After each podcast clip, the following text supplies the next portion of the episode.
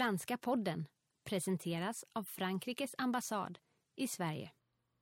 Johanna Frändén är svensk journalist, krönikör och fotbollsexpert som numera är bosatt i Frankrike. Hennes mediala plattform är mycket stor och hon rör sig mellan tv-kanalernas studios till tidningsmedier och även Twitter där hon når ut till tusentals och åter tusentals följare. Värt att nämna är även att hon har mottagit flertalet priser, bland annat Guldskölden, Frilanspriset och Årets sportjournalist. Hon har också medverkat i det populära tv-programmet På spåret och radioprogrammet Sommar i P1. Johanna ska få presentera sig själv och sitt yrkesliv mer ingående i den kommande intervjun, där hon även pratar om vad Frankrike betyder för just henne. Här sitter jag med Johanna Frändén på ett café i Solna. Det är lite brus i bakgrunden. Välkommen till Franska podden. Tack så mycket. Merci beaucoup. Kan du berätta lite kort om dig själv? Eh, jag jobbar som eh, journalist sen... Eh, jag har nog, firar nog tioårsjubileum som någon påpekade i år. Eh, ja, eller möjligtvis eh, året som kommer, beroende på hur man räknar lite. Men sen tio år ungefär och mest med eh, sport, mest med fotboll har jag jobbat. Men på de sista åren har jag breddat mig lite grann och så bor jag i Paris och följer PSG då, Paris Saint-Germain och Zlatan ganska mycket. Eh, och bevakar faktiskt Frankrike lite generellt också för Aftonbladet i första hand. Så att jag, de sista månaderna har det varit allt mellan fotbollsmatcher och Nobelpris i litteratur terrorattentat och eh, statsbesök. Du nämnde Charlie Hebdo. Du var på plats då i Paris under attacken och rapporterade aktivt under de efterföljande dagarna. Och den 11 januari så anordnades en jättedemonstration och demonstrationer över hela världen. Där man gick, får man väl säga, man ur huset för att visa solidaritet och stå upp just för yttrandefriheten. Vad var din upplevelse av den dagen? Ja, den var väldigt speciell. Rent personligt så var, var jag liksom lite, man var nästan lite utarbetad för då, hade det ju, då var det ju fem, tror jag, väldigt intensiva dygn efter varandra. Eh, men det var ju en väldigt fin och värdig avslutning på, på det som hade hänt. Eh, och jag har ju, alltså man, har ju, man är ju van vid manifestationer när man bor i Paris, för fransmännen gillar ju det här väldigt mycket, men det här slår allt jag någonsin har sett i oavsett sammanhang egentligen. Mm. Det var så mycket folk ute så att man, ja, det, det, var nästan svårt att ta in hur otroligt. Och det, det liksom, allt fortskred så lugnt och det var, det var det var ju mycket banderoller och mycket budskap och sånt där, men det, alla var ju fredliga liksom. Mm. Eh, och polisen sa att de inte, det rapporteras inte en enda liksom, incident under hela dagen i Paris och då var det en och en halv, två miljoner människor ute. Så att, mm. eh, nej, det var ett, ett styrkebesked, mm. tyckte jag. Hur ser din bevakning ut på daglig basis? Beskriv en arbetsdag. Det, det finns egentligen inte riktigt några typiska arbetsdagar. Däremot finns det några, några typer av dagar som upprepar sig ganska ofta, till exempel idag är det match. Mm. Eh, och då är det det som händer är att man egentligen fram till kvällen, för PSG brukar ju spela oftast ganska sent, eh, läser in sig lite, vad skriver franska tidningar och eh, hur, vad är en tänkbar vinkel och kanske kollar upp lite statistik inför och sådär. Eh, jag brukar faktiskt försöka inte starta jobb, jobbet för tidigt för att om matchen är nio på kvällen så man får liksom inte, det är som att vara fotbollsspelare, man får inte ladda för tidigt Nej, helt enkelt. Ur då. Nej, ladda ur och så är man trött liksom på kvällen. Nej. Men eh, mycket handlar om det, att läsa in sig och vara förberedd. Nu, nu är det här ett lag jag kan väldigt bra så att jag mm. kan skarva lite med det jämfört med andra, eh, andra jobb kanske. Mm. Och sen så åker man till Parc des Princes då, mm. eh, går på match och eh, då kan det vara under en match kan det vara att min tidning vill att jag ska twittra in i deras livebevakning. De har ju sådana mm. minut för minut, mm, vad händer i matchen? Mm. Så det kan vara den första liksom, arbetsinsatsen som syns. Eh, mm. Och sen kan det väl, efter det brukar det vara att man ska ner i det som kallas mixad zon då, intervjua mm. spelare då, mm. helst Zlatan. Och så fort jag har pratat med honom så skickar jag hem de citaten till redaktionen så får de kasta in det i en text ja. som de gör först. Och den första texten om, om matchen brukar göras hemifrån för de har, sitter ju framför tvn då. Ehm, ibland skickar jag faktiskt ljudfilen om det riktigt eh, är dåligt med tid. Men jag brukar skriva ner och, och så här sa Zlatan. Mm. Eh, och sen åker man ofta hem och skriver ihop en krönika om matchen. Mm. Eller en lite längre text beroende på vad det är, hur stort intresset är. Mm. Så det är en typisk arbetsdag och då kan man säga att dagen före match så är det ofta att man ska åka på en presskonferens och man ska göra ett införknäck som vi säger. Det är, det är oftast lite svårare än vad man tror att hitta en rolig ny ingång och och så. Det, det, är samma sak där. Man, är, man får tänka ut en eh, vinkel, hoppas att den håller och be kanske då tränaren som har presskonferens eh, och svara på någon fråga som har med ens ämne att göra. Eh, så ser de fasta arbetsdagarna ut och sen så en arbetsdag kan också vara att man står på eh, löpbandet på gymmet och eh, lyssnar på P1 och så säger de att eh, Nobelpriset går till Patrick Modiano. Då är det bara att hoppa in i duschen och springa hem och sätta sig i en taxi och åka på den presskonferensen. Så det, det, kan ju hända sådana saker också. Eller att det har smält eh, en bomb någonstans. Alltså. Har du märkt några likheter eller skillnader mellan den svenska och den franska sportjournalistiken?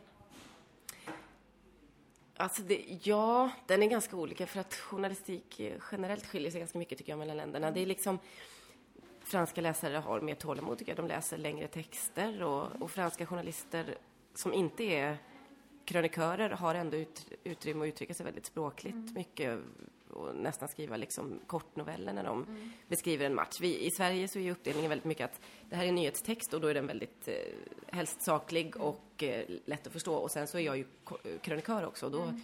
man, kan man ju ha lite litterära ambitioner. Men i Frankrike är nästan alla texter väldigt genomarbetade. Alltså du hittar väldigt sällan slarvfel och um, de, de slarvar inte helt enkelt. Nej. Men den är lite långsammare och sen är den ganska, den är ganska intellektuell. De har mycket, mycket liksom eh, anspelningar eller eh, om man tittar på rubriker till exempel mm. så kan det mycket, vara mycket så gamla klassiska franska romaner som, mm. de, eh, som de anspelar på till exempel. En måste fråga. Bästa franska fotbollsspelaren enligt dig genom historien och nu aktiv spelare?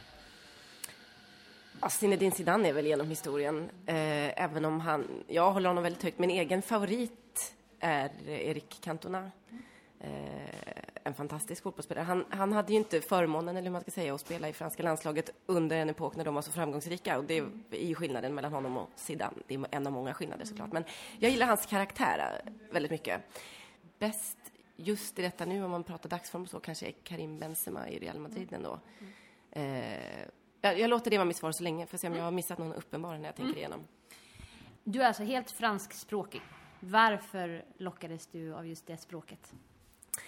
Ja, alltså när jag började högstadiet då, eh, så i mitten på 90-talet, så var det fortfarande så att man fick välja franska eller tyska, i alla fall på min skola.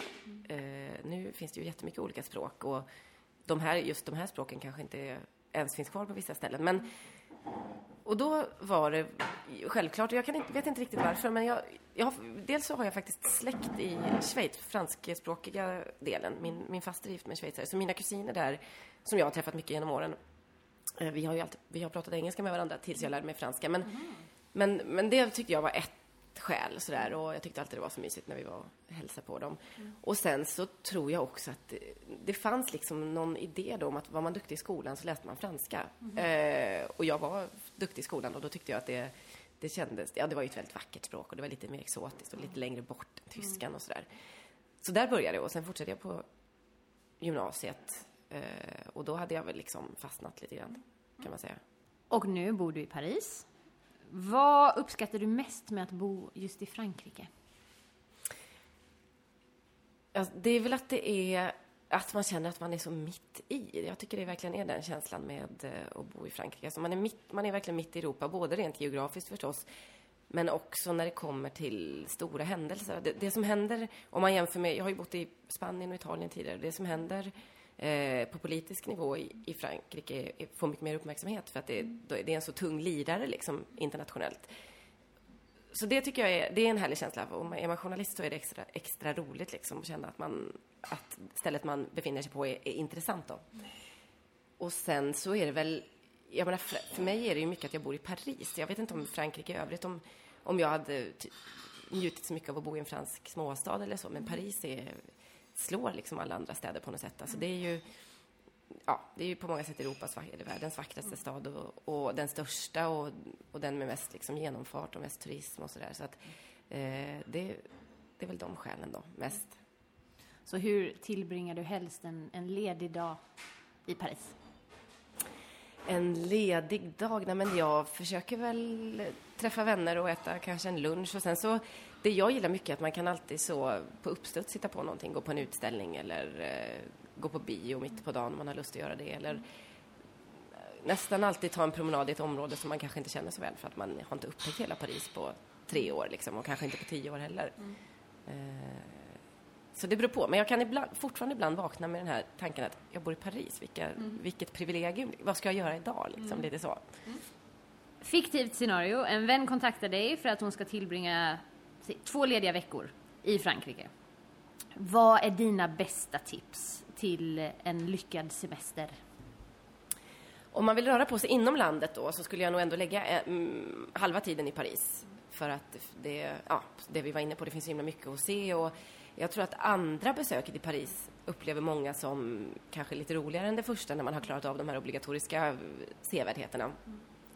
Eh, och mycket, poängen med Paris är ju mycket att, och flanera liksom. Det låter lite klyschigt men det är ju en stad där man ska sitta och titta på folk och eh, ta in ett glas vin till lunch för att man är ledig liksom och inte inte, alltså inte, och att man kan gå överallt för att det, det är liksom inga transportsträckor som är tråkiga eller inte värda att se.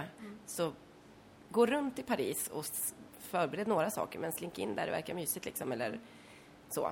Mm. Eh, och sen så är jag också väldigt förtjust i, i södra Frankrike, alltså mm.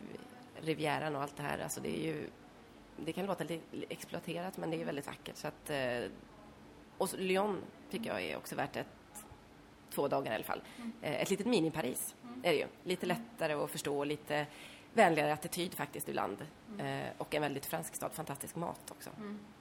Man kan med säkerhet säga att du känner Frankrike, du har bott där länge. Finns det någonting som du har upptäckt eh, med Frankrike som du kanske känner är missuppfattat eller som svenskarna borde få veta som inte är så lätt att veta om man bara liksom är i Sverige?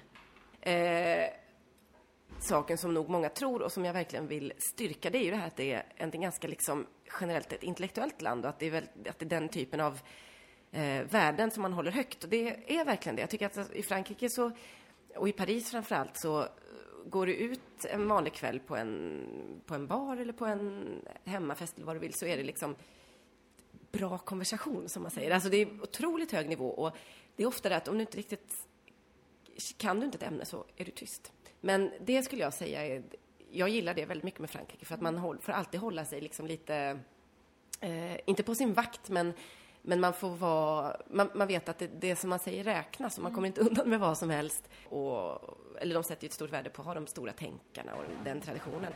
Tack så hemskt mycket för din tid. Tack så mycket.